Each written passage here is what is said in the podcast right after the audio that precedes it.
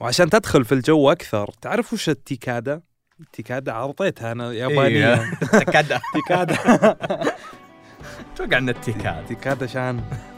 تيكادا هذا بودكاست الفجر من ثمانية. بودكاست فجر كل يوم. نسرد لكم سياق الأخبار اللي تهمكم. معكم أنا مشاري محمود وأنا مازل عتيبي اليوم عندنا ثلاث أخبار. الخبر الأول من باكستان وعن أزمة هائلة يتسبب فيها فيضانات خليهم يطلبون المساعدة من العالم. أما الخبر الثاني فهو عن أزمة دبلوماسية بين المغرب وتونس. والخبر الثالث من الهند مظاهرات بعد الإفراج عن 11 شخص متورطين في اغتصاب فتاة. إيه الحلقة اليوم دسمة إي مستعدين. خلينا نقول بسم الله.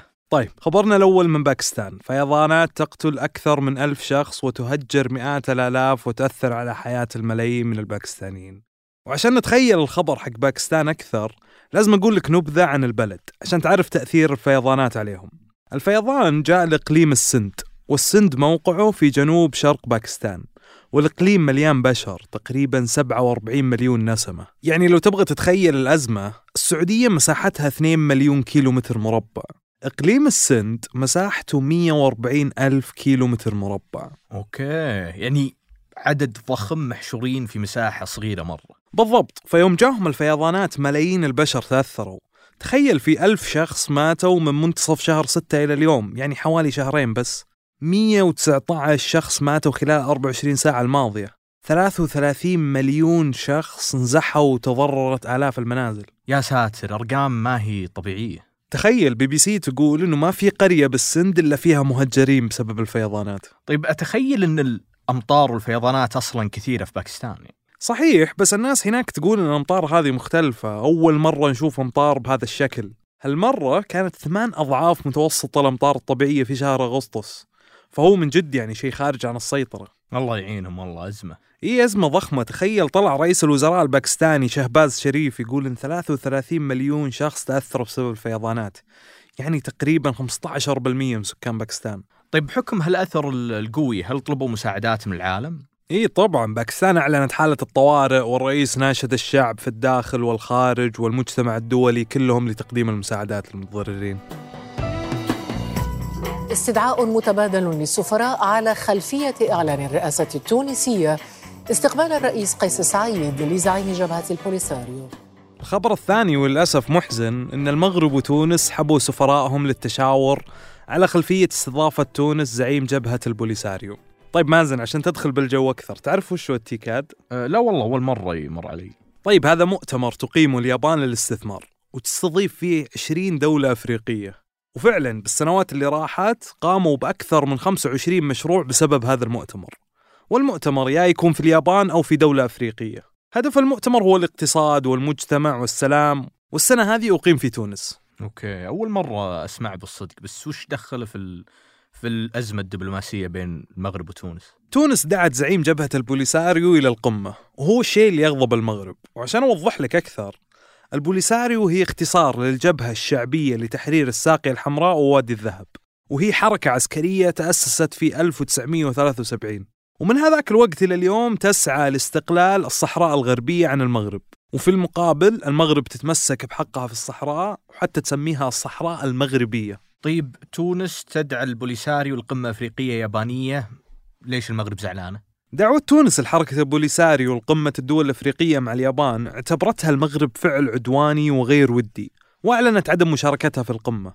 لكن تونس قالت أن الدعوات للقمة وجهها الاتحاد الأفريقي وأنها تلتزم الحياد تجاه قضية الصحراء وملتزمة بالقوانين الدولية. بس تدري وش الغريب بالموضوع؟ أن تونس ما استقبلت فقط وفد البوليساريو في القمة بل حتى رئيسها التونسي قيس بن سعيد استقبل زعيم الجبهة إبراهيم غالي. أجل واضح ال- القضية بالنسبة لهم كبيرة مرة.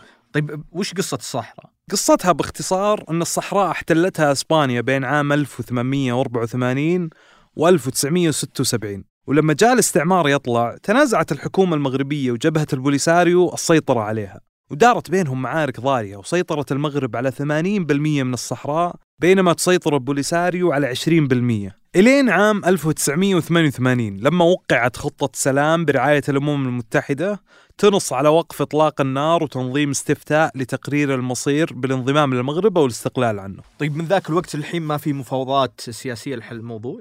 في عام 2006 أعلن ملك المغرب محمد السادس أن بلاده تقترح منح الصحراء حكم ذاتي في إطار السيادة المغربية. لكن طبعا البوليساريو رفضت وبعدين في 2007 بدأت مفاوضات بين المغرب والجبهة. وحتى الآن تشد وترخي. بس تدري دام الموضوع معقد كذا أتخيل إن ال... على كل هالتقاتل على المنطقة هي غنية صح؟ إيه المنطقة مليئة بالثروات. يعني تخيل 600 كيلو على ساحل المحيط الأطلسي. بالإضافة المعادن مثل الفوسفات اللي تقدر في 28% من المخزون العالمي عجيب خبرنا الثالث عن مظاهرات في الهند بعد الإفراج عن 11 شخص متورطين في اغتصاب فتاة. لحظة فرجوا عنهم متى صارت الجريمة؟ الجريمة صارت في سنة 2002 في ولاية آه، جوجرات الهندية كان فيها أعمال عنف ضد المسلمين. سبب اندلاع هذا العنف كان حريق في قطار ركاب في بلدة جودهرا وبسبب الحريق مات 60 شخص هندوسي. في جماعات هندوسية متطرفة رمت الملامة على المسلمين وبدأت أحداث عنف استمرت ثلاث أيام مات فيها حوالي ألف شخص معظمهم للمسلمين أثناء هذه الأحداث تم اغتصاب فتاة اسمها بلقيس بانو واقتلوا طفلها اللي كان معها واقتلوا 14 شخص من عائلتها طيب وين موقف الحكومة من الشيء هذا والشرطة وش كان موقفهم يعني؟ هو رئيس الوزراء الهندي الحالي ناريندرا مودي كان في ذاك الوقت هو رئيس وزراء ولاية جوجرات وكان في انتقادات كبيرة تجاهه إنه ما سوى شيء يذكر الوقف أحداث الشغب.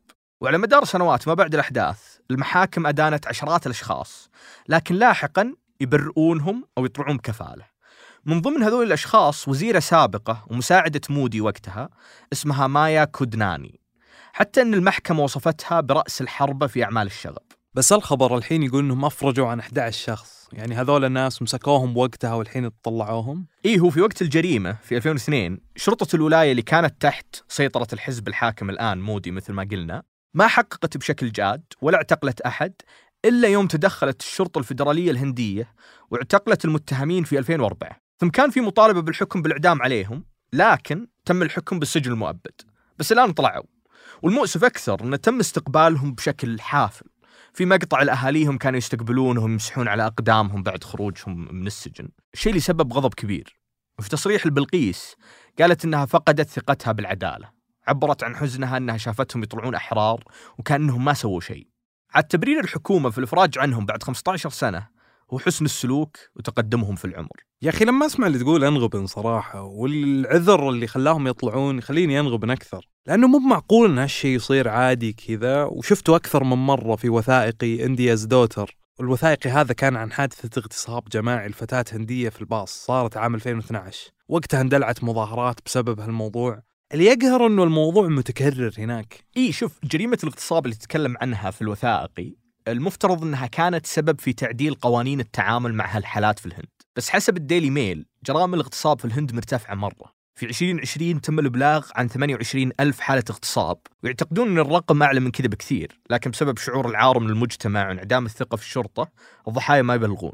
واللي يعقد الموضوع أكثر أن هذه الأحداث مرتبطة بالعنف الطائفي. حزب بهارات يا جنات الحاكم الآن هو حزب قومي متطرف كان الحاكم في ولاية جوجرات وقت قضية بلقيس. وفي 2014 هذا الحزب قدر يوصل ويحكم البلاد كلها من خلال الحكومة الفيدرالية في نيودلهي. من وقتها حتى الآن الهجمات تتصاعد ضد الأقلية المسلمة وكثير يتهمون أنه حزب غير أخلاقي ويمارس التمييز ضد المسلمين. حتى قبل فترة بسيطة المتحدثة باسم الحزب نوبور شارما أطلقت تصريحات مسيئة للرسول صلى الله عليه وسلم وزوجاته وصارت ضجة كبيرة وأصدرت دول إسلامية بيانات تنكر هذا الفعل قبل ما تعتذر آه، شارما وتعزل من منصبها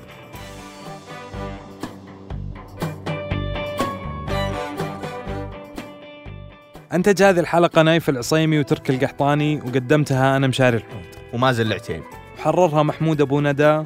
شوفكم بكرة الفجر